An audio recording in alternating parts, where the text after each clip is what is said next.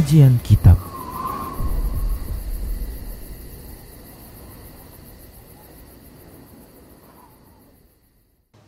Bismillah, Assalamualaikum warahmatullahi wabarakatuh.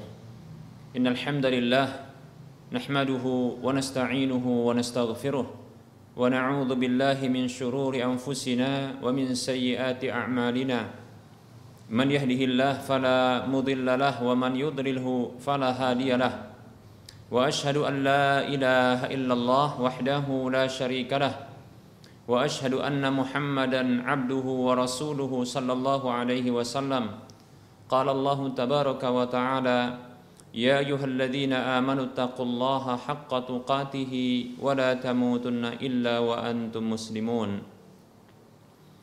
يا أيها الناس اتقوا ربكم الذي خلقكم من نفس واحدة وخلق منها زوجها وبث منهما رجالا كثيرا ونساء. واتقوا الله الذي تساءلون به والأرحام. إن الله كان عليكم رقيبا. يا أيها الذين آمنوا اتقوا الله وقولوا قولا سديدا.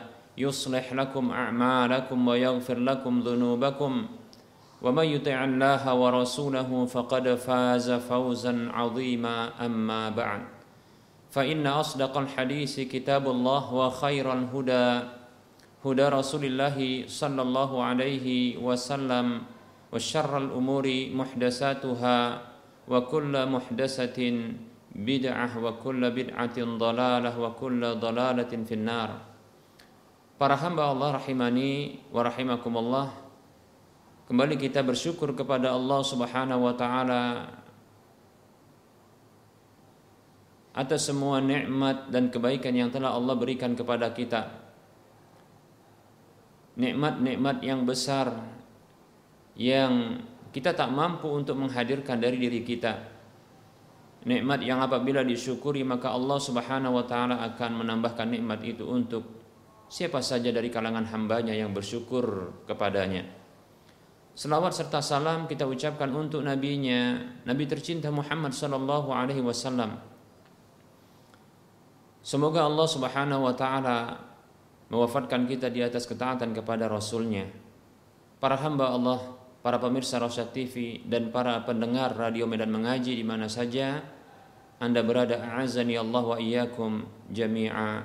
Kita akan lanjutkan pembahasan kitab Minhajul Muslim masih dalam bab akidah dan kita masih melanjutkan tentang penyebutan keutamaan-keutamaan dan keistimewaan-keistimewaan para sahabat radhiyallahu anhum ajma'in yang wajib bagi seorang muslim mukmin untuk meyakini dan mengakuinya. Berikutnya di antara keistimewaan yang dimiliki sahabat-sahabat adalah keistimewaan yang dimiliki oleh sahabat Abdullah bin Mas'ud, Ubay bin Ka'ab, Muadz bin Jabal dan Salim maula Abi Hudzaifah radhiyallahu anhum ajma'in. Yang Rasulullah sallallahu alaihi wasallam bersabda tentang mereka Istaqra'u al-Qur'ana min arba'atin Ambillah bacaan Al-Quran dari empat orang min Abdullah bin Mas'udin dari Abdullah bin Mas'ud wa Salimin maula Abi Hudzaifah dan Salim bekas budaknya Abu Hudzaifah wa Ubay bin Ka'b Ubay bin Ka'ab wa Muad bin Jabalin dan Muad ibnu Jabal radhiyallahu anhum ajma'in. Hadis ini hadis yang dikeluarkan oleh Imam Bukhari. Baik para hamba Allah rahimani warahmatullah ini tentunya keutamaan yang besar dari keempat sahabat ini di mana mereka memiliki keutamaan bacaan Al-Qur'an di mana di masa Nabi Shallallahu alaihi wasallam di antara para sahabat yang terafdol itu disebabkan karena banyaknya hafalan Al-Quran dan bagus bacaannya. Baik para hamba Allah rahimani wa rahmakumullah. Kita tahu bahwasanya Al-Qur'an adalah kalamullah. Yang apabila dibandingkan dengan kalam ucapan manusia tentunya ya kalam Allah Subhanahu wa taala adalah maha sempurna, maha tinggi. Dibandingkan semua kalam ucapan makhluk ini. Demikian.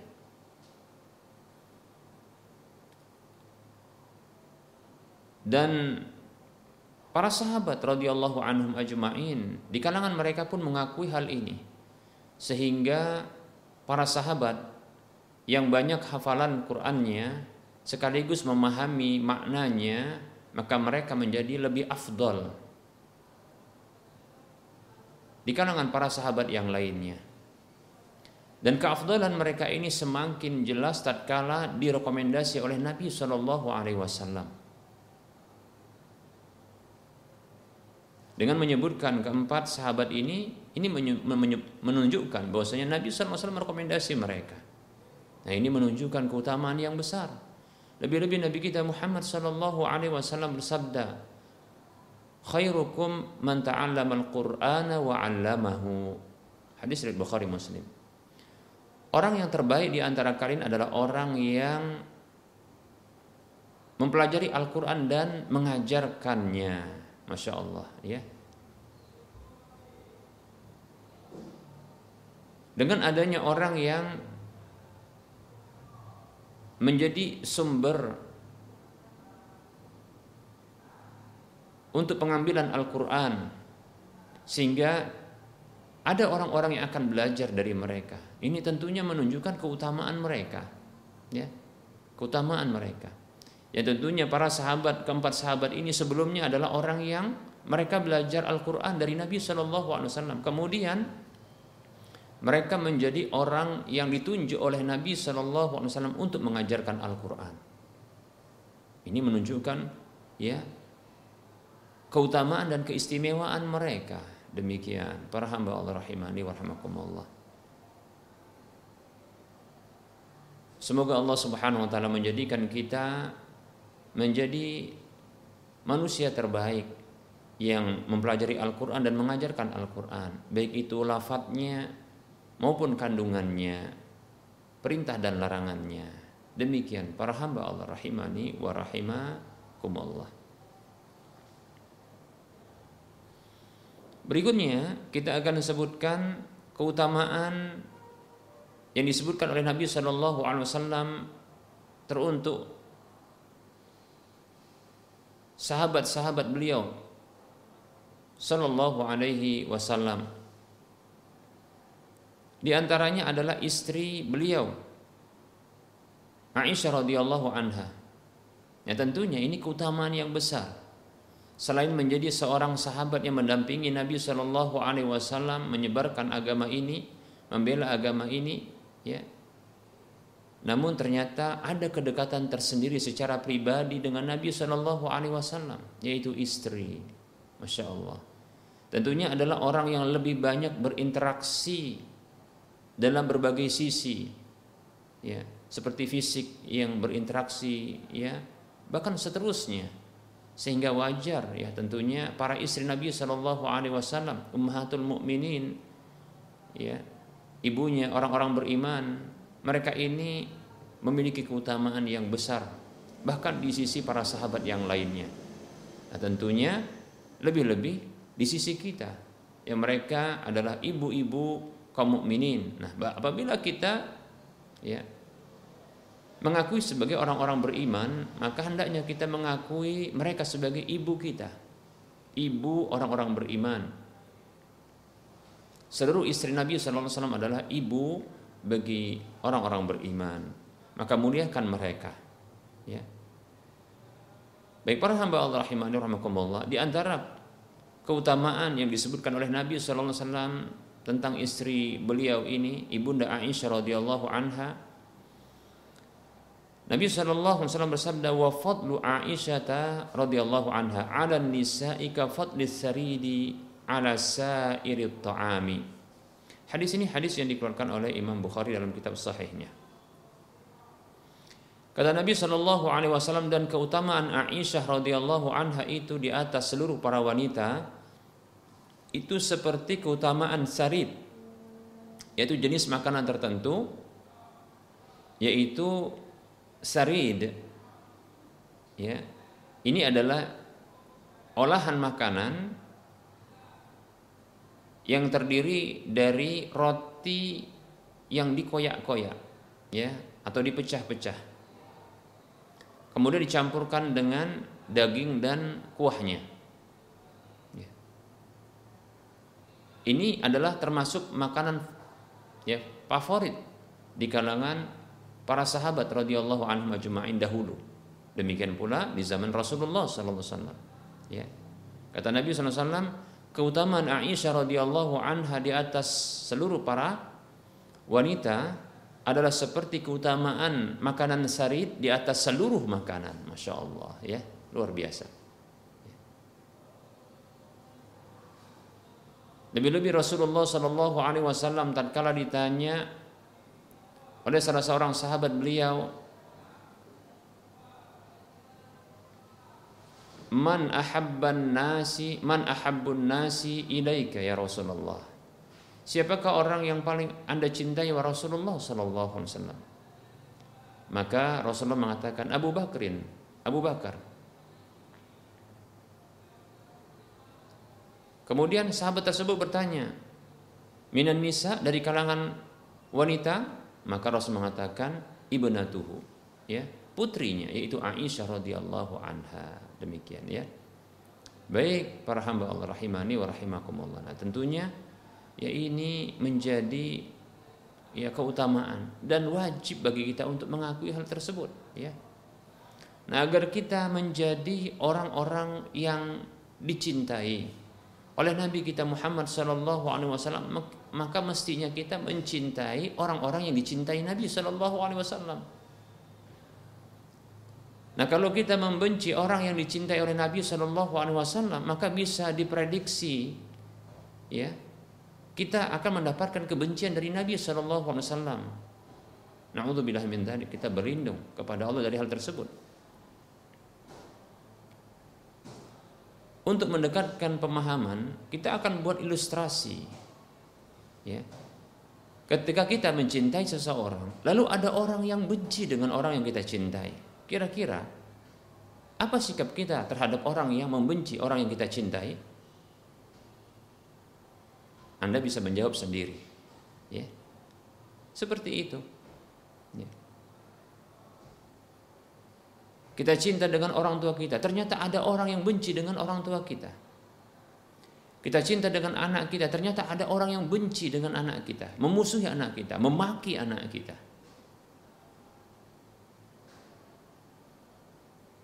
Kita cinta dengan pasangan hidup kita. Ternyata ada orang yang sangat membenci dengan pasangan hidup kita. Memaki, menjelek-jelekkan, memburuk-burukkan.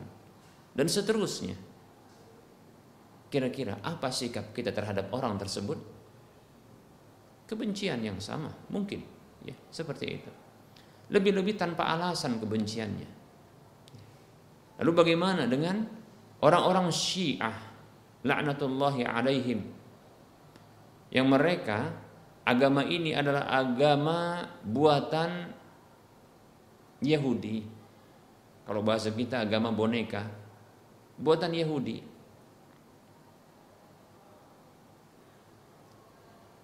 Yang pencetusnya adalah Abdullah bin Sabah, seorang Yahudi yang pura-pura masuk Islam. Ternyata membuat keonaran di dalam tubuh umat Islam di masa hidupnya. Baik para hamba Allah rahimani wa rahimakumullah. Di antaranya yang berhasil yang dia lakukan, dia menciptakan agama Syiah ini.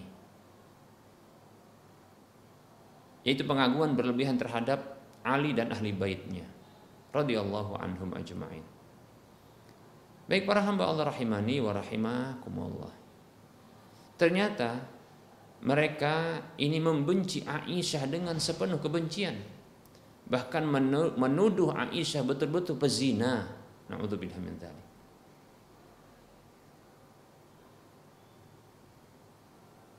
Ketika ada perintah untuk menyembelih di dalam surah Al-Baqarah, menyembelih sapi. Maka mereka memaknai sapi itu adalah Aisyah radhiyallahu anha. Luar biasa kebencian mereka tersebut. Ya.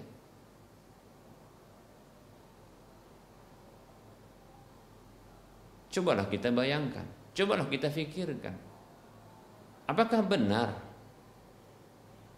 mereka ini di dalam klaimnya bahwasanya mereka mengakui diri mereka sebagai orang Islam. Yang Islam ini adalah agama yang dibawa oleh Nabi kita yang mulia.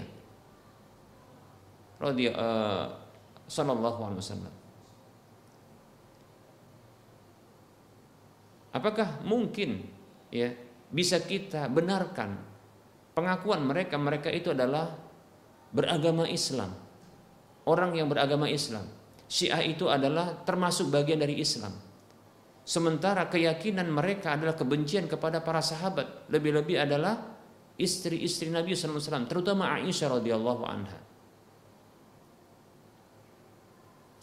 Sementara Islam itu dibawa oleh Nabi SAW dan di antaranya adalah ajaran Islam itu lewat lisan Aisyah radhiyallahu anha. Sebagian besar dari ajaran Islam ini ini berasal dari lisannya atau kita katakan lewat lisannya Aisyah radhiyallahu anha. Yaitu Rasulullah mengajarkan lalu Aisyah yang menyampaikan kepada orang lain. Kemudian disampaikan kepada generasi seterusnya sampai kepada kita. Baik para hamba Allah rahimani wa rahmakumullah. Tahukah kita dari mana kita mengetahui bolehnya untuk menunda mengganti puasa Ramadan itu sampai waktu bulan Sya'ban tahun berikutnya. Itu dari pengkabaran Aisyah radhiyallahu anha. Dan seterusnya kita katakan banyak ya. Lalu ada satu agama atau satu keyakinan yang menjadikan prinsip dalam keyakinannya membenci istri-istri Nabi melaknat mereka, mengkutuk mereka. Lalu keyakinan ini dinisbatkan kepada Islam. Apakah mungkin? Apakah benar? Ini mustahil. Ya. Jadi sadar, kita harus sadar bahwasanya Syiah itu bukan bagian dari Islam. Tampilan boleh sama, nama boleh sama, sesuatu yang disebut-sebut boleh sama.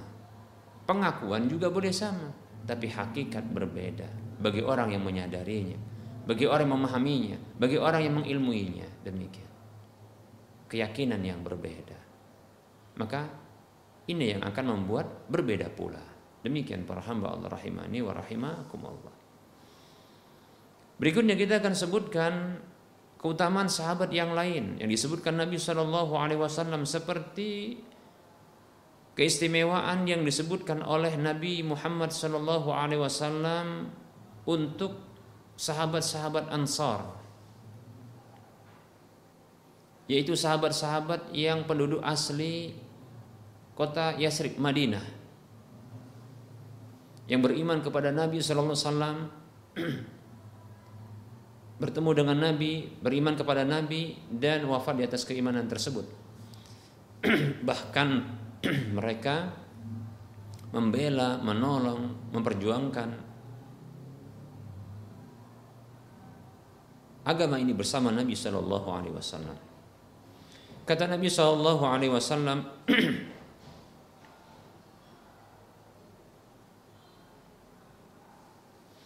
لو أن الأنصار سلكوا واديا أو شعبا fi wadi al ansari." Walaulal hijratu lakuntu imra'an minal ansari.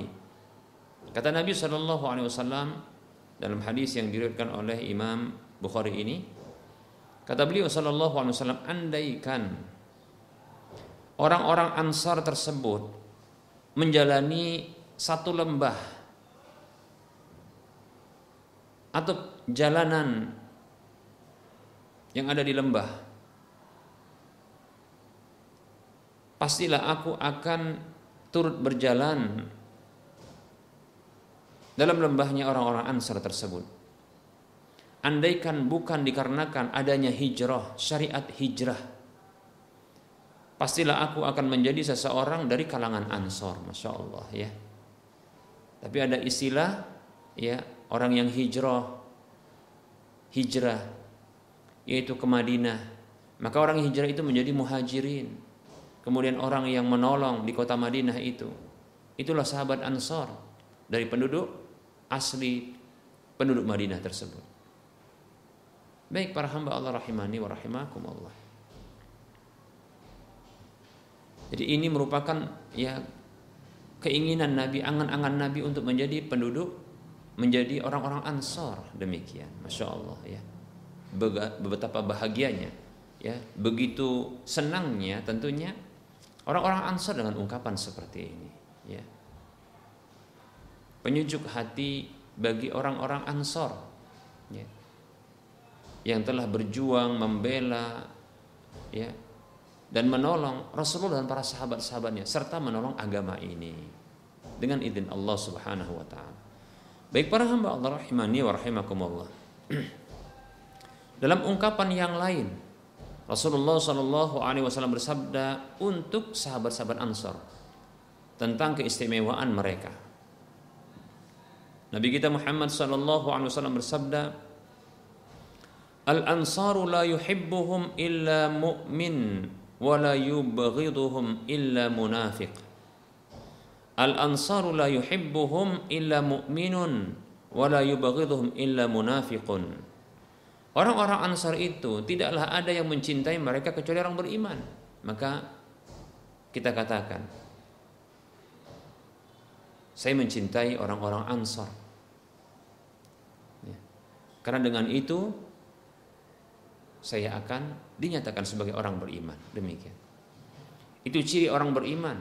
Kita harus mencintai sahabat-sahabat Ansar, sahabatnya Nabi Shallallahu Alaihi Wasallam yang telah menolong agama ini, yang telah menolong Nabi kita ini dan menolong sahabat-sahabat yang lainnya. Itulah sahabat Ansar. Tidakkah kita mencintai mereka? Ini bukti keimanan kita. Ya. Maka kita katakan kami mencintai sahabat-sahabat Ansar. Demikian. Wala dan tidaklah ada yang membenci mereka kecuali orang munafik. Maka jangan sampai ada kebencian dalam hati kita, dalam diri kita, yang dialamatkan kepada salah seorang dari sahabat-sahabat Ansar, apalagi kepada seluruhnya mereka. Demikian. Oleh karenanya tak mungkin keimanan itu bercampur dengan kebencian kepada sahabat Ansor. Bagaimana mungkin? Keimanan yang ada pada dirinya itu itu sesungguhnya di antara dari usaha-usaha dari sahabat Ansor radhiyallahu anhu majma'in. Di mana mereka yang memperjuangkan Islam ini tatkala Nabi Shallallahu Alaihi Wasallam terusir Nabi SAW sebagai pembawa agama ini terusir dari Mekah bahkan hampir terbunuh lalu diterima oleh sahabat Ansor dijaga dibela bahkan berjuang bersama dengan Rasulullah SAW untuk menyebarkan agama ini demikian peran yang besar, jasa yang besar, sahabat Ansar. Sehingga semakin melebar dan meluas tersebar agama ini sampai bisa diwariskan ke generasi setelah mereka, tabi'in. Kemudian para tabi'in bisa meregenerasikan, mengestefatkan Islam ini sampai kepada tabi'ut tabi'in. Seterusnya sampai kepada kita. Sehingga kita bisa merasakan manisnya Islam dan nikmatnya iman. Maka tak mungkin iman itu bisa bercampur dengan kebencian kepada sahabat secara umum dan terkhusus kepada sahabat Ansar. Tak mungkin. Itu mustahil. Kalau ada orang yang membenci sahabat Ansar secara khusus atau secara umum membenci para sahabat atau membenci salah satu sahabat saja,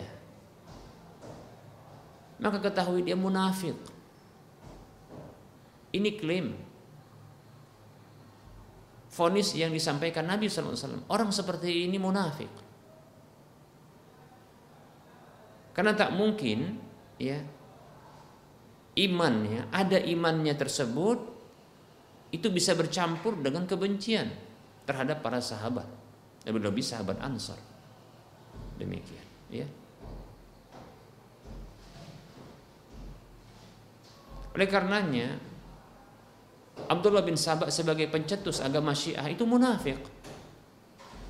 Karena terbukti dialah yang menyebabkan terjadinya pembunuhan ya Utsman bin Affan munculnya agama Syiah dan seterusnya. Dan Syiah itu sesungguhnya adalah ajaran yang menunjukkan kemunafikan berbalut Islam tapi hakikatnya adalah kekufuran. Itulah munafik. Oleh karenanya jangan pernah ya tertarik dengan Syiah, agama Syiah. Ya. Umat Islam harus cerdas Kita katakan Syiah iya, eksis, betul eksis ada. Tapi dia bukan bagi bukan bagian dari agama Islam. Syiah itu agama tersendiri demikian. Bukankah dia muncul dari agama Islam? Betul, tapi itu buatan. Ingat, kita sedang ya memfonis agamanya. Bukan sedang memfonis ajarannya. Maaf, bukan memfonis orang-orangnya. Adapun orang-orangnya yang telah difonis oleh para ulama, ya itu berlaku. Adapun yang belum, maka ini sebagai bentuk penyadaran terhadap mereka.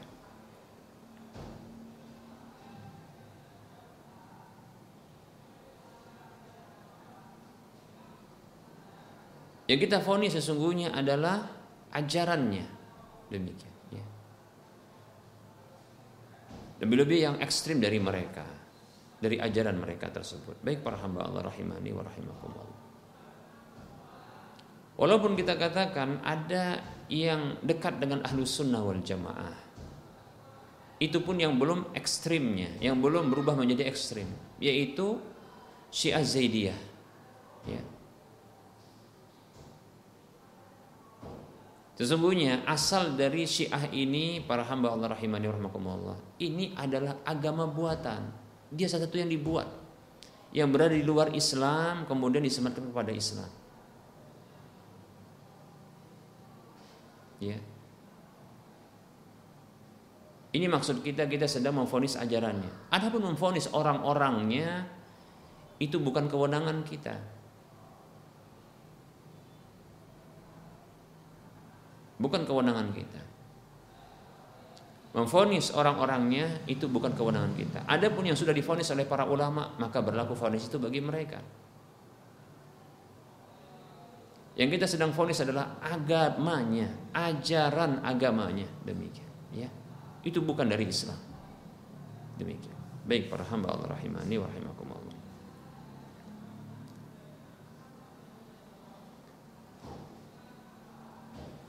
Kita lanjutkan kata Nabi Shallallahu Alaihi Wasallam al ansaru la yuhibbuhum illa mu'minun.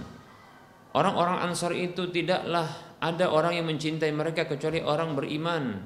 Wala yubaghiduhum illa munafiqun dan tidaklah ada yang membenci mereka kecuali orang munafik. Faman ahabbahum ahabbahullah maka siapa saja mencintai mereka maka Allah mencintainya.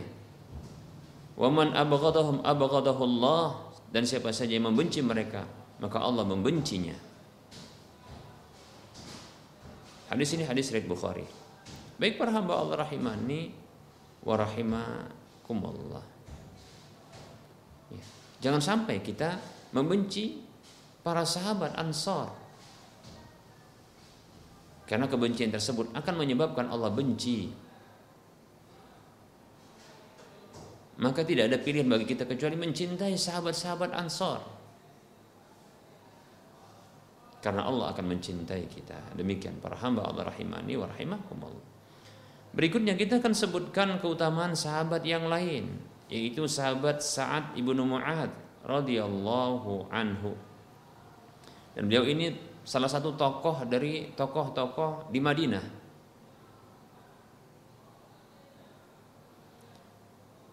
Sabda Nabi SAW tentang sahabat Sa'ad ibnu Mu'ad radhiyallahu anhu.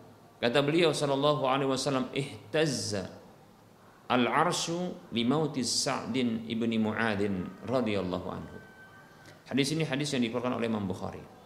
Kata Nabi sallallahu alaihi wasallam, bergetar aras itu disebabkan wafatnya Sa'ad ibnu Mu'ad radhiyallahu anhu. Masya Allah, ya.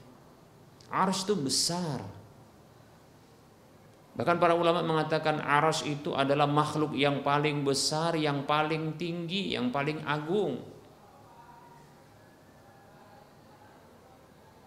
Lalu bagaimana dengan tonggak? Tonggaknya. Aras itu bergetar karena wafatnya seorang sahabat ini, masya Allah. Ya, luar biasa bergetar aras itu karena wafat saat ibnu Mu'ad. Masya Allah, ya luar biasa. Kita tahu gunung yang kita pernah lihat. Kita tahu bumi yang begitu besarnya yang menghimpun, masya Allah, ya berbagai ratusan gunung. Kita tahu langit pertama, kedua, sampai ketujuh. Ternyata kursi Allah lebih besar. Wasi'a kursiyu samawati wal ard kata Allah Subhanahu wa taala. Kursi Allah itu meliputi langit dan bumi, lebih besar kursi. Dan ternyata dalam satu riwayat disebutkan bahwasanya aras itu lebih besar ketimbang kursi Allah Subhanahu wa taala. Masya Allah. Dan ars itu bergetar karena wafatnya satu orang yang tinggal di bumi. Yang badannya tak lebih besar ketimbang sebuah pohon kita katakan. Yang besar tentunya ya. Dan pohon ini bisa jadi tumbuh di pohon yang sama itu bisa tumbuh ribuan pohon yang sama bisa tumbuh di sebuah gunung. Jadi masya Allah ya. Namun ketika sahabat ini wafat bergetar itu aras. Ini keutamaan yang besar. Ya. Keutamaan yang besar. Para hamba Allah rahimani warahmatullah. Lalu pantas kalisan kita ini tajam terhadap para sahabat. Begitu besarnya keutamaan mereka. Tidaklah ada orang beriman kecuali memuliakan para sahabat. Menghormati para sahabat memuji mereka, mendoakan kebaikan untuk mereka dan mencintai mereka. Demikian para muslim rahimani wa rahimakumullah. Berikutnya kita akan sebutkan keutamaan dan keistimewaan sahabat yang lainnya seperti contohnya sahabat Usaid bin Hudair radhiyallahu anhu.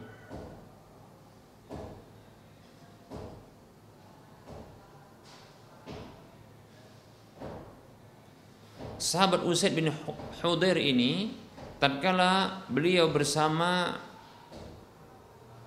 salah seorang sahabat Nabi Shallallahu Alaihi Wasallam di rumah Rasulullah SAW di malam yang gelap. Tatkala keduanya itu keluar, ternyata tiba-tiba ada cahaya yang menerangi di hadapan keduanya ketika keduanya berjalan.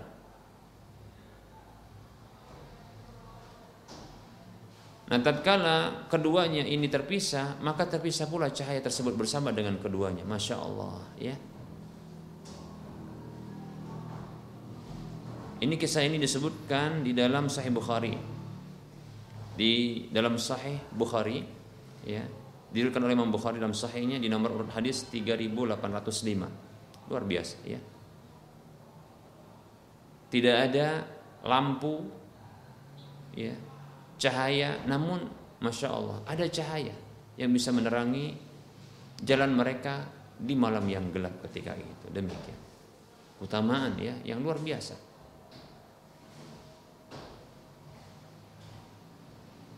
Ini menunjukkan mereka ini adalah wali-wali Allah Subhanahu wa taala.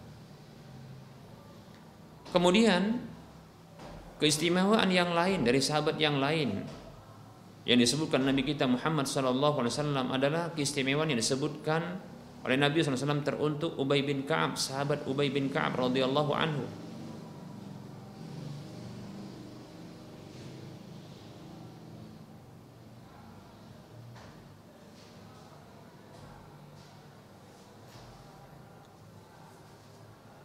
Rasulullah bersabda, "Inna Allah amarani an aqra'a 'alaika."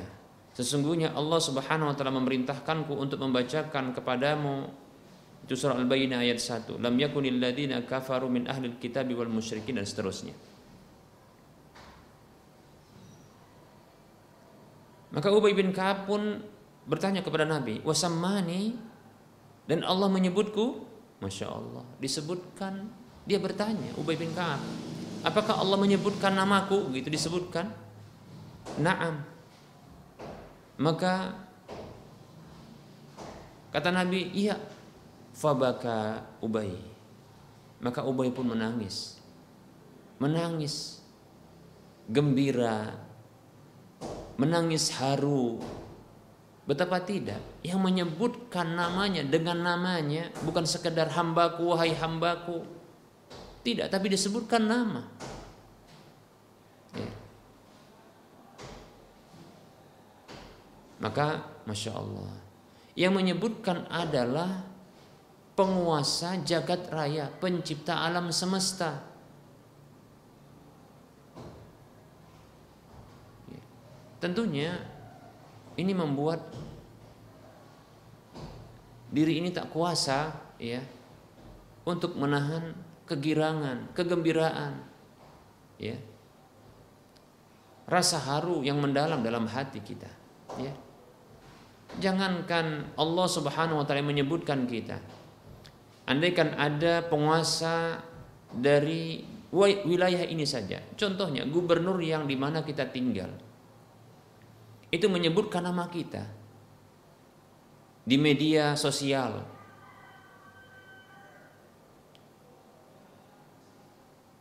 atau melakukan jumpa pers, lalu menyebutkan nama kita, masya Allah, ya, itu sudah gembira, tidak ketulungan. Ya. Lebih-lebih kalau presiden yang menyebutkan. Lalu bagaimana ketika contohnya ya penguasa sebuah negeri tapi negeri jiran atau negeri lain menyebutkan nama kita dengan bahasanya atau bahasa internasional, masya Allah. Ini membuat kita girang, bahagia, haru. Lalu bagaimana? Yang menyebut itu adalah Allah Subhanahu wa taala. Bukan dalam rangka penghinaan tapi pemuliaan. Masya Allah. Sangat pantas sahabat ini menangis terharu. Gembira. Demikian ya para hamba Allah rahimahnya hadis ini hadis yang dikeluarkan oleh Imam Ahmad dalam musnadnya kita akan sebutkan keutamaan yang lain yang dimiliki sahabat yang lain keistimewaan Khalid bin Walid radhiyallahu anhu yang disebutkan Nabi Shallallahu alaihi wasallam. Beliau mengatakan tentang Khalid bin Walid radhiyallahu anhu, "Saifun min suyufillahi maslul." Khalid bin Walid itu adalah saifun pedang min suyufillahi dari pedang-pedang Allah maslulun yang terhunus, masya Allah. Pedang terhunus, pedang Allah yang terhunus. Luar biasa Masya Allah Maka pantaslah kemenangan dalam peperangan selalu diraih oleh Khalid bin Walid tatkala menjadi panglima perangnya tentunya atas izin dari Allah Subhanahu wa taala. Hadis ini hadis yang dikeluarkan oleh Imam Bukhari dalam kitab sahihnya.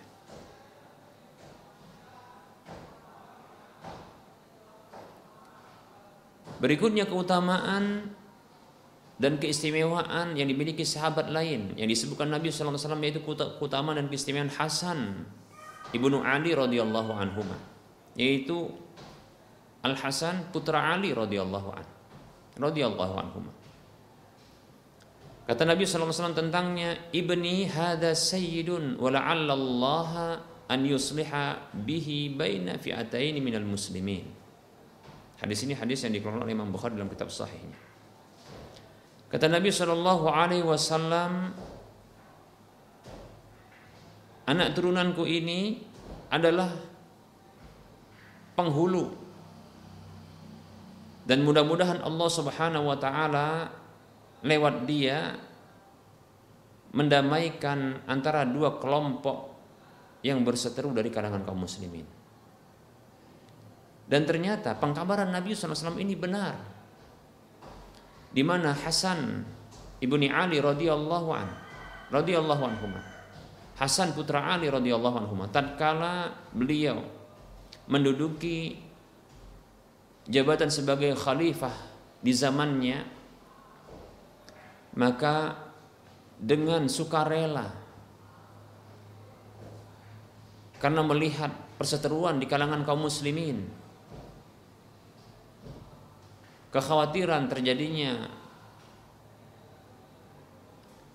perselisihan yang berterusan pertempuran di kalangan kaum muslimin tatkala beliau menjadi khalifah ketika itu beliau mengundurkan diri dan menyerahkan kekhalifahan beliau kepada Muawiyah radhiyallahu anhu. Masya Allah. Beliau tidak inginkan ketenaran. Beliau tidak inginkan jabatan dan kekuasaan. Tidak, ya. Beliau menyerahkan kekhalifahan itu. Maka ketika itu bergabunglah kaum muslimin. Menyatu kaum muslimin. Oleh karenanya sampai-sampai para ulama menyebutkan ketika itu ya dengan tahun jamaah disebut begitu. Ya. Para ulama menyebutkan amul jamaah ketika itu.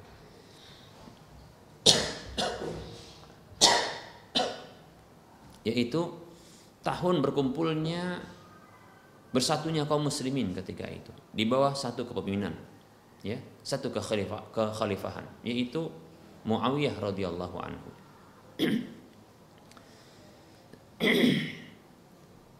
Baik, ini hadis yang diriwayatkan oleh Imam Bukhari.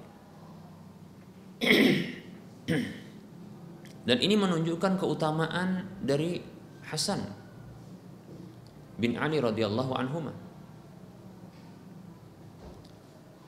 Cucu Nabi sallallahu alaihi wasallam. Ada darah Nabi dalam tubuh beliau. Nasab Nabi kepada beliau. Dan ternyata beliau punya keutamaan yang banyak. Di antaranya adalah menjadi sarana atau menjadi penyebab damainya kaum muslimin. Terjadinya perdamaian di kalangan kaum muslimin. Yang ketika itu terjadi perselisihan. Demikian.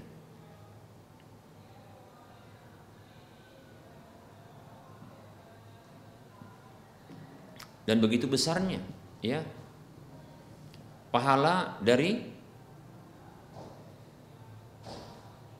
mendamaikan antara orang Islam. Allah Subhanahu wa taala memerintahkan kita untuk mendamaikan orang-orang Islam satu dengan yang lain karena bersaudara. Kata Allah Subhanahu wa taala di dalam surah Al-Hujurat ayat 10 Allah mengatakan a'udzu billahi minasyaitonir rajim innamal mu'minuna ikhwatun fa aslihu baina akhawaikum Sesungguhnya orang-orang beriman tersebut hanyalah mereka bersaudara maka damaikanlah di antara saudara kalian tersebut masya Allah jadi Hasan al Basri uh, Hasan ibnu Ali radhiyallahu anhu mengamalkan ayat ini dan tentunya Masya Allah ini keutamaan yang besar. Di mana perdamaian tersebut bukan hanya antara satu orang dengan satu orang yang lain. Satu individu dengan individu yang lain. Satu pribadi dengan pribadi yang lain. Namun ini adalah kaum muslimin ketika itu seluruhnya. Di mana akan terjaga pertumpahan darah, terjaga stabilitas keamanan dan seterusnya. Ini keutamaan yang besar. Kita akan mengetahui besarnya pahala mendamaikan di antara kaum muslimin dengan lewat sabda Nabi SAW berikut ini. Hadis dari Abu Darda radhiyallahu anhu Rasulullah SAW bersabda, "Ala ukhbirukum bi afdala min darajati siyami was salati was sadaqati?" Maukah aku kabarkan kepada kalian tentang sesuatu yang paling afdal daripada derajat puasa, salat dan sedekah? Qalu bala. Maka para sahabat serta merta mengatakan, tentu ya Rasulullah. Qala Rasulullah mengatakan, islahu dzatil bayin wa fasadu dzatil bayin al-haliqah. Kata Nabi sallallahu alaihi ya, yaitu memperbaiki hubungan baik di antara sesama kalian. Dan ketahuilah rusaknya hubungan baik tersebut itu adalah pencukur, yaitu sesuatu yang bisa mencukur habis dari kebaikan-kebaikan tersebut. Ya. Demikian para hamba Allah rahimani Hadis ini hadis yang dikeluarkan oleh Imam Abu Daud dan disahkan oleh Syekh Al-Albani rahimahullah taala dalam Sahih Al-Jami ya atau di dalam uh, hadis uh, as-sahih di nomor urut hadis 2639. Baik para hamba Allah rahimani wa rahmakumullah. Ya. Kita tutup dengan menyebutkan keutamaan yang lain dari sahabat yang lain yaitu sahabat Abu Ubaidah Ibnu Jarrah radhiyallahu anhu di mana Rasulullah bersabda sallallahu alaihi wasallam tentangnya likulli ummatin aminun setiap umat itu memiliki orang kepercayaan. Wa inna aminuna ayyatuhal ummatu Abu Ubaidah ibn Jarrah. Kata Nabi SAW sesungguhnya orang kepercayaan kami wahai umat ini adalah Abu Ubaidah ibn Jarrah radhiyallahu anhu. Hadis ini hadis yang dikeluarkan oleh Imam Bukhari. Masya Allah ya. Ini pujian Nabi SAW dan ini pujian bukan omong kosong, bukan isapan jempol, tapi kenyataan. Ya. Bahwasanya Abu Ubaidah ibnu Jarrah adalah seorang yang dipercaya oleh Nabi dan dipercaya oleh umat ini. Masya Allah, luar biasa. Ya. Dan sabda Nabi adalah wahyu yang diwahyukan kepada beliau. Wa ma yantiqu 'anil hawa in huwa illa wahyu yuha. Tidaklah ia berbicara dari hawa nafsunya, Tidaklah ucapannya melainkan wahyu diwahyukan kepadanya. Surah An-Najm ayat 3 dan 4 demikian. Baik para hamba Allah rahimani rahmakumullah inilah dia keutamaan-keutamaan sahabat-sahabat yang disebutkan yang bisa kita sebutkan. Walaupun banyak ya sahabat-sahabat yang lain yang memiliki keutamaan-keutamaan yang begitu banyak ya yang lainnya tentunya ya semoga Allah meridhai mereka ya dan memberikan keridoan untuk mereka. Baik para hamba Allah rahimani wa rahimakumullah kita cukupkan untuk penyampaian materi dan kita buka sesi soal jawab.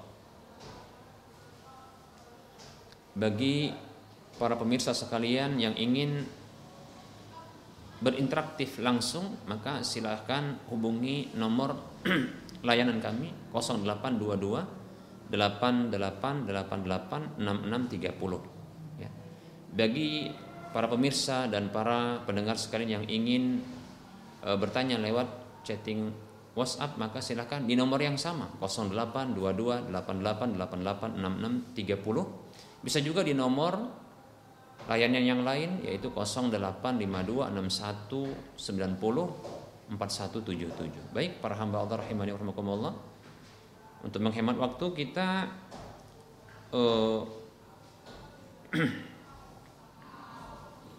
akan menjawab pertanyaan yang sudah masuk terlebih dahulu.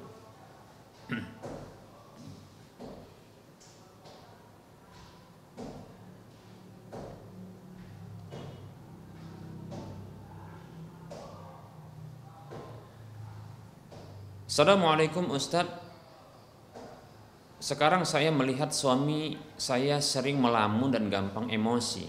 Semenjak pandemi ini, pekerjaan suami saya sering sepi. Tidak ada pemasukan, saya sedih sekali Ustadz. Saya kepingin sekali membantunya, akan tetapi dia melarang saya karena masih punya anak-anak kecil. Gimana Ustadz caranya biar keadaan semakin membaik? Syukran Ustadz.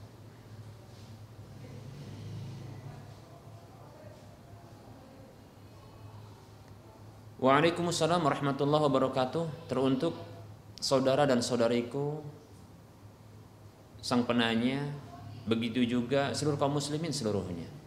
Sadari dan pahami bahwasanya hidup ini ujian. Hidup ini adalah ujian. Jangankan hidup, mati saja ujian, ada ujiannya. Allah Subhanahu wa taala berfirman di dalam surah Al-Mulk ayat 2 A'udzu billahi minasyaitonir rajim alladzi khalaqal mauta wal hayata liyabluwakum ayyukum ahsanu amala Dialah Allah zat yang telah menciptakan kematian dan kehidupan agar dia menguji kalian siapakah yang terbaik amalnya. Jadi Allah uji dan Allah uji itu terkadang dengan kebaikan dan terkadang dengan keburukan. Bahkan dalam surah Al-Anbiya ayat 35, kalau tidak salah surah Al-Anbiya ayat 35, Allah menyebutkan terlebih dahulu ujian berupa keburukan, sesuatu yang tak menyenangkan. Allah mengatakan, A'udzu billahi minasyaitonir rajim, wa nabluukum bisyarri wal khairi fitnatan wa ilaina turja'un. Dan kami uji kalian dengan keburukan dan kebaikan. Keburukan terlebih dahulu, baru kebaikan. Sebagai cobaan dan kepada kami kalian akan dikembalikan. Ujian hidup ini apa yang telah menimpa kita, maka itu tak akan meleset dari kita. Annama asabaka lam yakun liyukhti'aka. Apa saja yang menimpa kalian, apa saja yang menimpa menimpamu, maka tidak akan meleset darimu. Wa annama akhta'aka lam yakun liyusibaka. Dan apa saja yang luput darimu maka tak akan mengenaimu. Demikian. Nah, ketika kita telah mendapatkan satu bentuk ujian dari Allah Subhanahu wa taala. Ketahuilah bahwasanya itu telah ditentukan oleh Allah 50 ribu tahun sebelum diciptakan langit dan bumi. Jangankan adanya kita. Sebelum adanya langit dan bumi, itu sudah selesai takdir dalam riwayat Muslim, Rasulullah SAW bersabda, Kataballahu maqadira al-khalaiqi qabla an yakhluqa samawati wal arda bi khamsina alfasana. Allah telah mencatat takdir-takdir makhluknya 50 ribu tahun sebelum diciptakan langit dan bumi. Sebelum ada langit dan bumi. Bukan sebelum adanya kita. Sebelum adanya langit dan bumi, Allah telah 50, 50 ribu tahun ya, sebelum adanya langit dan bumi itu sudah selesai takdir. Dan di antara takdir tersebut apa yang menimpa kita saat ini? Pandemi ini. Kesempitan hidup di sini. Demikian. Dan ketahuilah bahwasanya apa yang menimpa kita tersebut itu mampu untuk kita lalui, untuk kita jalani, untuk kita hadapi. Karena Allah tak mungkin dolim kepada para hambanya dengan memberi beban di luar kemampuannya. Allah subhanahu wa ta'ala berfirman dalam surah Al-Baqarah ayat 286 Allah mengatakan A'udzu billahi minasyaitonir rajim la yukallifullahu nafsan illa wus'aha Tidaklah Allah Subhanahu wa taala memberikan beban kepada satu jiwa kecuali sesuai dengan kemampuannya. Ya, ya. Itu sesuai dengan kemampuan kita untuk kita lalui. Demikian. Maka jangan berburuk sangka kepada Allah Subhanahu wa taala.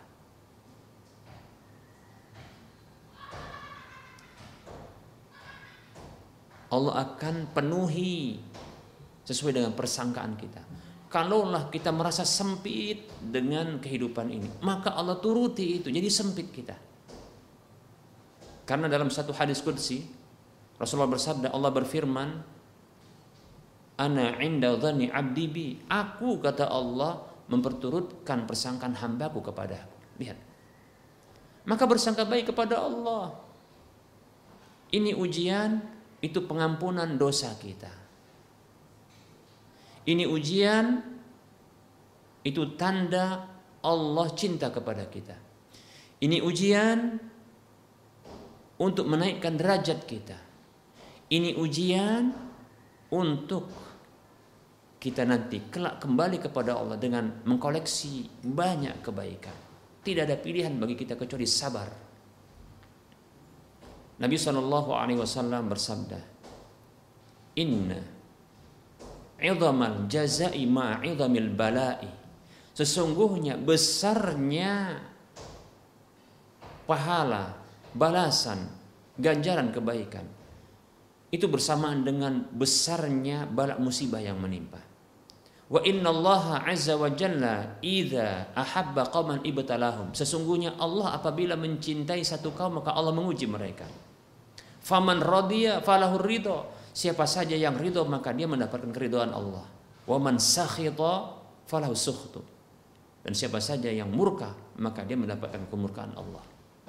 Tidak ada pilihan bagi kita kecuali ridho menerima sabar. Dan sabar itu pahalanya tanpa batas.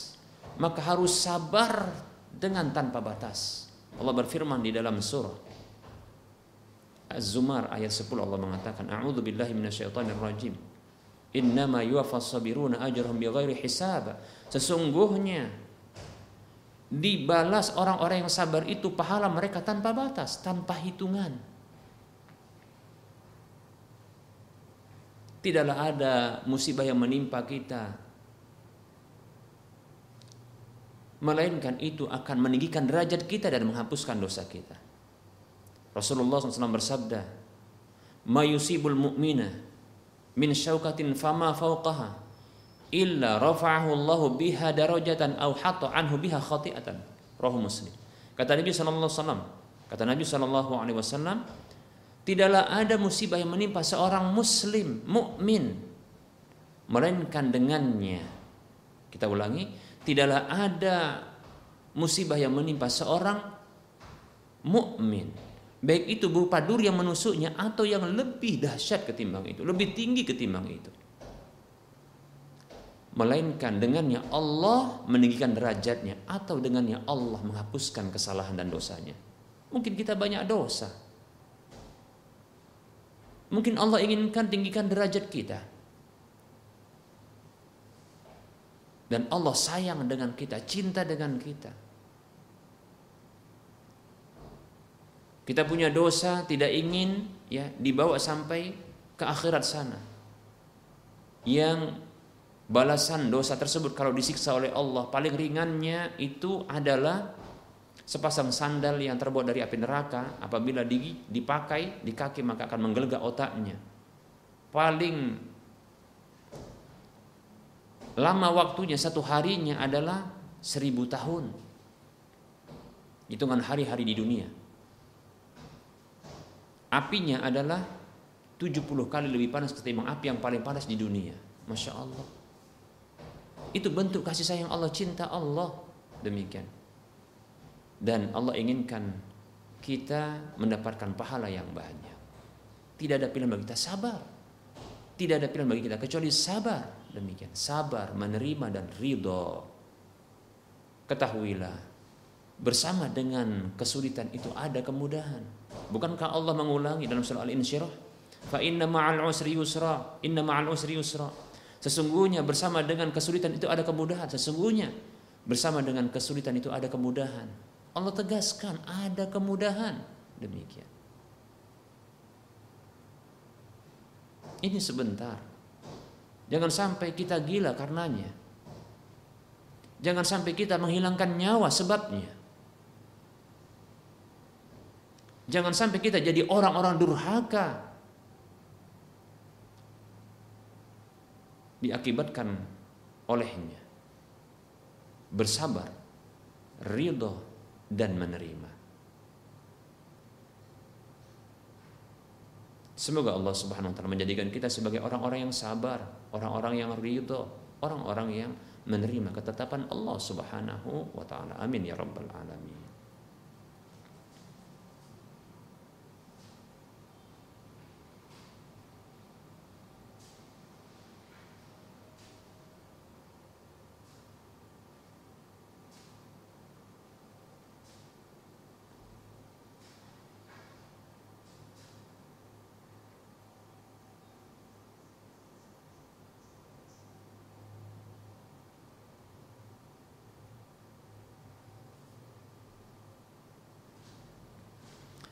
Ada pertanyaan Bismillah Assalamualaikum warahmatullahi wabarakatuh. Ustaz Afan izin bertanya. Programmer mengerjakan proyek website tentang kesehatan Yaitu diet sehat. Namun di website tersebut ada gambar wanita tidak menutup aurat. Programmer hanya memasukkan gambar sesuai dengan yang sudah disiapkan oleh editor. Bagaimana hukumnya penghasilan dari proyek tersebut?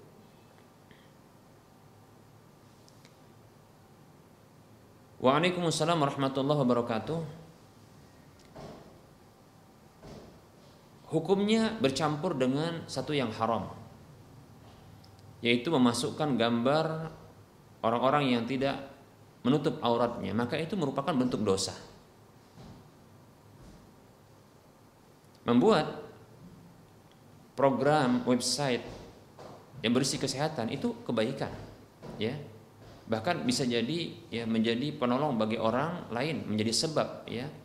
Orang lain mendapatkan uh, upaya bentuk kesehatan ya bentuk upaya kesehatan yang bisa diambil dari website tersebut ya.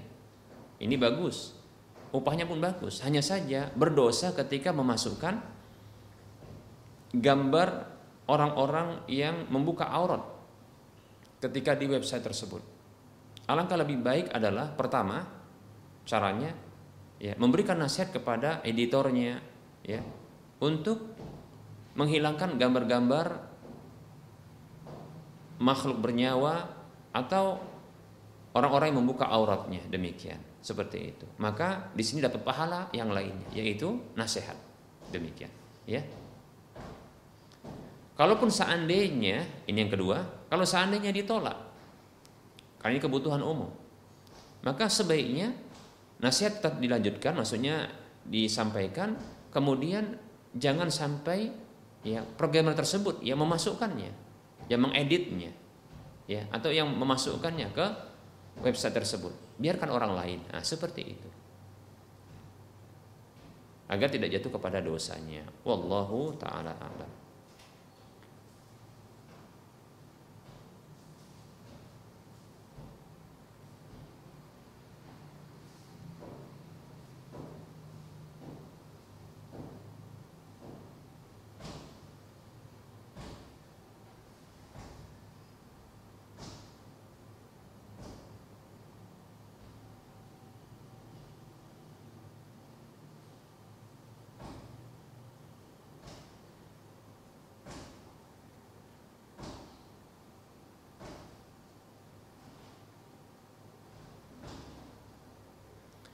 Baik.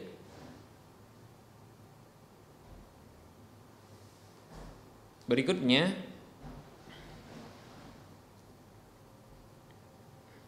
Ada pertanyaan.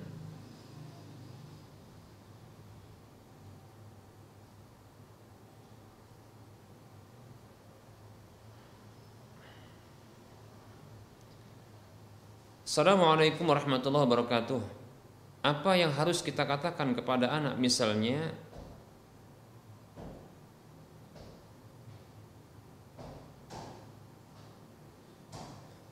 sang anak mengucapkan ma aku sudah capek mengajarkan PR kawanku minta contekan aku. Eh, kawanku minta contekan. Aku bilang belum siap PR ku. Bolehkah berbohong seperti itu? Kalau jujur aku sengaja nggak ngasih nanti dia marah sama aku.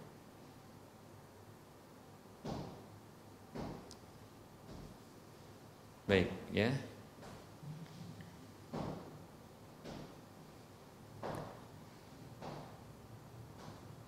Waalaikumsalam warahmatullahi wabarakatuh. Nah, di sini ya perlunya kita memberikan pendidikan kepada anak untuk berlaku jujur ya sampaikan sabda Nabi SAW atau maknanya bahwasanya Rasulullah SAW memerintahkan kita untuk jujur alaikum bis sidqi fa inna sidqa yahdi ilal birri wal birra yahdi ilal jannati ya. sampaikan kepada anak tersebut Rasulullah pernah bersabda, hendaknya kalian berlaku jujur karena sesungguhnya kejujuran itu akan membawa kepada kebajikan dan kebajikan itu akan membawa kepada surga. Dan senantiasa seorang itu berlaku jujur sampai ditulis di sisi Allah sebagai orang yang jujur. Wa iyyakum wal kadhiba dan hati-hati kalian waspada terhadap dusta, bohong, jauhi dusta fa innal kadhiba yahdi ilal fujur ilal fujuri. Wal fujura yahdi ilal nari. Hati-hati kalian jauhi oleh kalian sikap dusta berbuat dusta. Karena sesungguhnya dusta itu membawa kepada dosa-dosa yang lainnya dan dosa-dosa itu akan menghantarkan kepada neraka dan senantiasa seseorang itu berlaku membiasakan dusta sampai dicatat di sisi Allah sebagai seorang pendusta. Begitu sampaikan kepada sang anak. Agar anak mengambil perhatian. Dan sampaikan satu prinsip bahwasanya jujur itu pasti mujur, beruntung maksudnya. Bohong dusta pasti terbujur, pasti bikin masalah, begitu. Sampaikan. Kuatkan anak tersebut untuk jujur. Nah kalau seandainya mungkin mengerjakan PR ini capek karena apa dimintai oleh kawan gitu ya teman, maka sampaikan jujur saja, ya maaf, ya kata guru PR sudah selesai, sampaikan kepada sang kawan tersebut kata guru dan kata orang tuaku tidak boleh dicontek. Nah gitu, sampaikan. Dan memberikan peluang bagi kawan untuk mencontek ya. Ini merupakan memberikan kesempatan bagi dia untuk bohong maaf untuk bodoh. Sekaligus bohong. Bohongnya kenapa bohongnya itu manipulasi karena sesungguhnya itu bukanlah hasil pekerjaannya tapi hasil contekannya. Itu namanya manipulasi. Dusta juga kan begitu. Dan itu merupakan bentuk pembodohan terhadap dirinya membuat dia bodoh Coba kerjakan semampunya. Kalau bisa sang anak diajarkan ya kepada sang anak ini diajarkan, nah ajarkan saja kawan tersebut caranya begini, dipandu dia, bukan dikasih ya buku hasil pekerjaan PR tersebut lantas dia mencatatnya, jangan demikian. Ya. Diajarkan begitu. Jadi diajarkan jujur anak tersebut dengan sabda Nabi SAW tersebut ya yang sudah kita sampaikan. Kemudian motivasi untuk jujur terus, ya. Kemudian kasih tahu sama kawan, kawannya, ya, untuk mengatakan sesungguhnya bahwasanya dilarang mencontek, ya. Ibuku, mamaku, kemudian guruku atau guru kita itu melarang untuk mencontek dan dicontek. Begitu. Sampaikan kepada sang anak, kalaupun marah, gini saja ya. Jadi sang anak ini dimotivasi untuk dia bisa membantu temannya menyelesaikan tugas. Jadi jangan di, diberi hasil, tapi diberi cara. Dengan cara si anak itu diajar, eh, di, di, dimotivasi, anak kita dimotivasi untuk mengajarkan kepada temannya. Nah ini luar biasa. Kalau sang anak kita mampu untuk bisa mengajar dan memahamkan kepada temannya, ini calon guru ini, ya kalau orang Medan itu suhu ini kan begitu ya. Orang pintar begitu ya. Jangan diajari bohong. Maklum kita katakan anak ini jenuh ya dengan PR-nya karena hasil PR-nya itu selalu dicontek. Ya, begitu kan? Jenuh dia. Ya. sehingga dia capek rasanya kan begitu kok sudah ngerjakan ternyata dicontek kawan kan gitu sementara kalau nggak dikasih kawan tersebut marah. Nah gimana caranya? Nah tadi. Pertama motivasi anak tersebut untuk jujur. Kemudian sampaikan bahwasanya ini dilarang. Ya mencontek. Nah motivasi anak untuk mengajarkan. Ya jadi sini biar saya ajari begitu. Biar sini. Ya tak ajari kata orang Medan. Sini. Ku ajari begitu. Caranya begini begini begini. Begitu. Ya jadi anak ini masya Allah memposisikan diri sebagai ya teman sekaligus ya pengajar. Nah gitu. Sekaligus dia belajar untuk jadi pengajar. Masya Allah. Ketelatenan kesabaran mungkin juga. Lihat kawannya yang bodoh kan begitu ya. Luar biasa sesungguhnya. Jadi motivasi. Dan dikasih reward anak tersebut. Contohnya Ketika anak tersebut sudah bisa ngajarkan kawannya, coba dikasih reward. Reward itu artinya penghargaan, kasih hadiah. Masya Allah, ya. Ditanya, ya, nak, tadi gimana hasil PR-nya? Masya Allah, Alhamdulillah, ma, ini sudah nilainya bagus gitu. Terus gimana? Kawannya yang biasa nyontek gimana? Sudah ku ajari ma, gitu ya. Maka masya Allah, kasih penghargaan terhadap dua hal tersebut. Hasil pekerjaan rumah rumahnya, begitu juga kemampuan di dalam mengajarkan dan ketahuilah sesungguhnya yang lebih itu kemampuan mengajarkan, gitu. Maka kasih beri reward, penghargaan. Wallahu taala. Paling tidak pujian. Bisa dengan hadiah yang lainnya dibuatkan makanan kesukaan dia, begitu ya. Biasa ibu-ibu kan begitu ya Wallahu taala a'lam.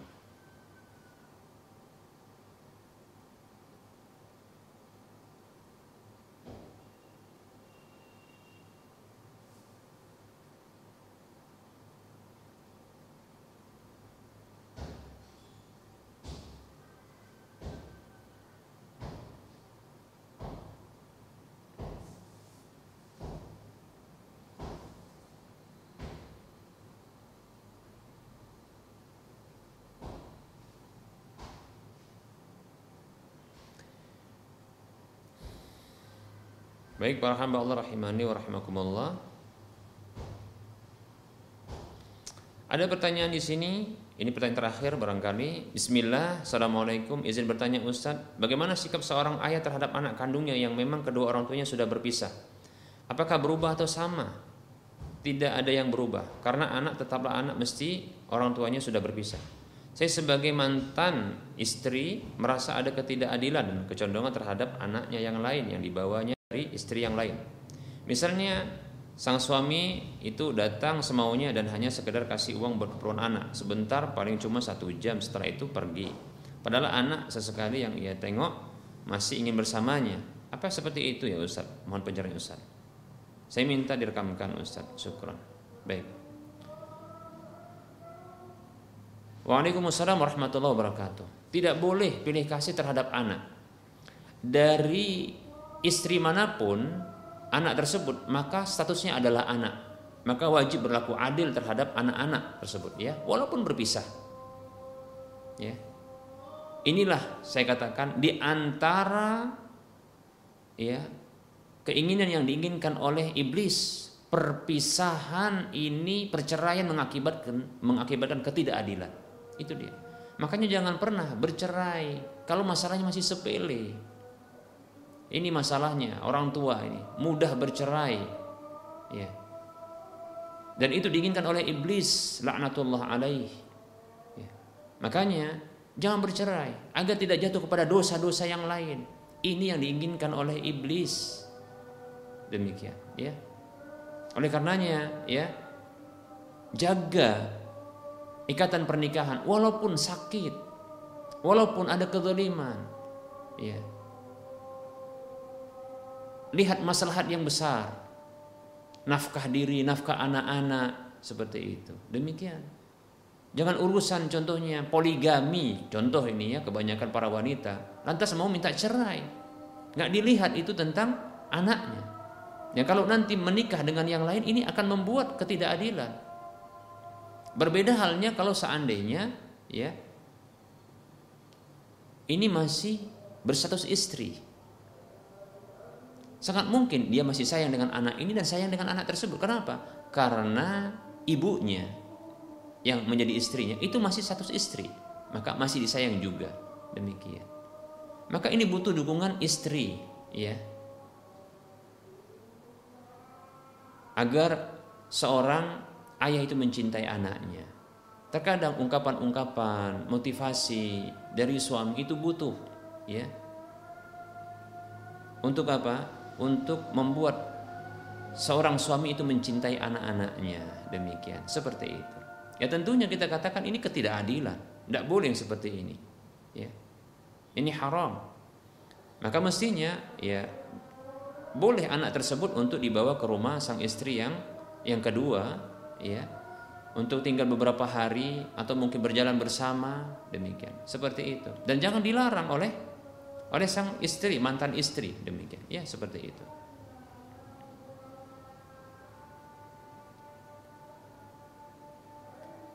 Doakan suami agar dia bisa berlaku adil terhadap anak-anaknya ya. Maksudnya adalah mantan suami ya. Semoga Allah swt memberikan ya rumah tangga yang sakinah mawaddah dan warahmah ya untuk kita semua. Amin ya rabbal alamin. Wallahu taala alam Barangkali ini yang bisa kita sampaikan. Mohon maaf atas segala kekurangan dan kesalahan. Kebenaran datang dari Allah Subhanahu wa taala. Kesalahan dan kekurangan itu datang dari saya pribadi dimisikan syaitan. Kepada Allah saya mohon ampun dan kepada para hadirin, para pemirsa dan para pendengar sekalian saya mohon maaf. Ya. Sebelum kita akhiri seperti biasa kita motivasi untuk berdonasi membebaskan lahan Masjid Al-Muwahhidin untuk wilayah Medan dan sekitarnya. Kebutuhan dana 4 masih 4 miliar sekian rupiah. Silahkan miliki aset akhirat Anda dengan menyalurkan harta Anda ke Bank Syariah Mandiri atau Bank Syariah Indonesia di nomor 71274855555 atas nama Yayasan Lajana Dakwah Medan kode bank 451. Semoga bermanfaat dan semoga Anda termotivasi. Wassalamualaikum Muhammad wa ala alihi wa ashabihi ajma'in. Subhanakallahumma wa bihamdika asyhadu an la ilaha illa anta astaghfiruka wa atubu ilaika. Walhamdulillahi rabbil alamin. Wassalamualaikum warahmatullahi wabarakatuh.